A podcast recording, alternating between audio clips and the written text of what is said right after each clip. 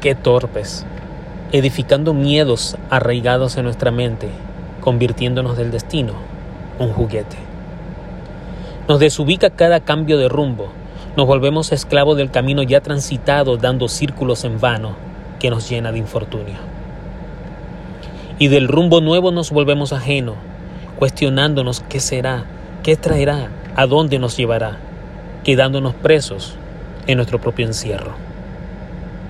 A todos nos asusta el cambio, pero hoy te digo que el cambio es el primer paso para transitar el camino que te lleve a tu destino. Es que sin cambios no hay destino. Sin destino no existe la gracia de haber vivido. Hoy es el momento que abraces ese cambio que a tu puerta ha estado tocando. Ese es el camino hacia tu destino. Y cuando llegues, recibe la gracia bendita de haber vivido. 5, 5, 5.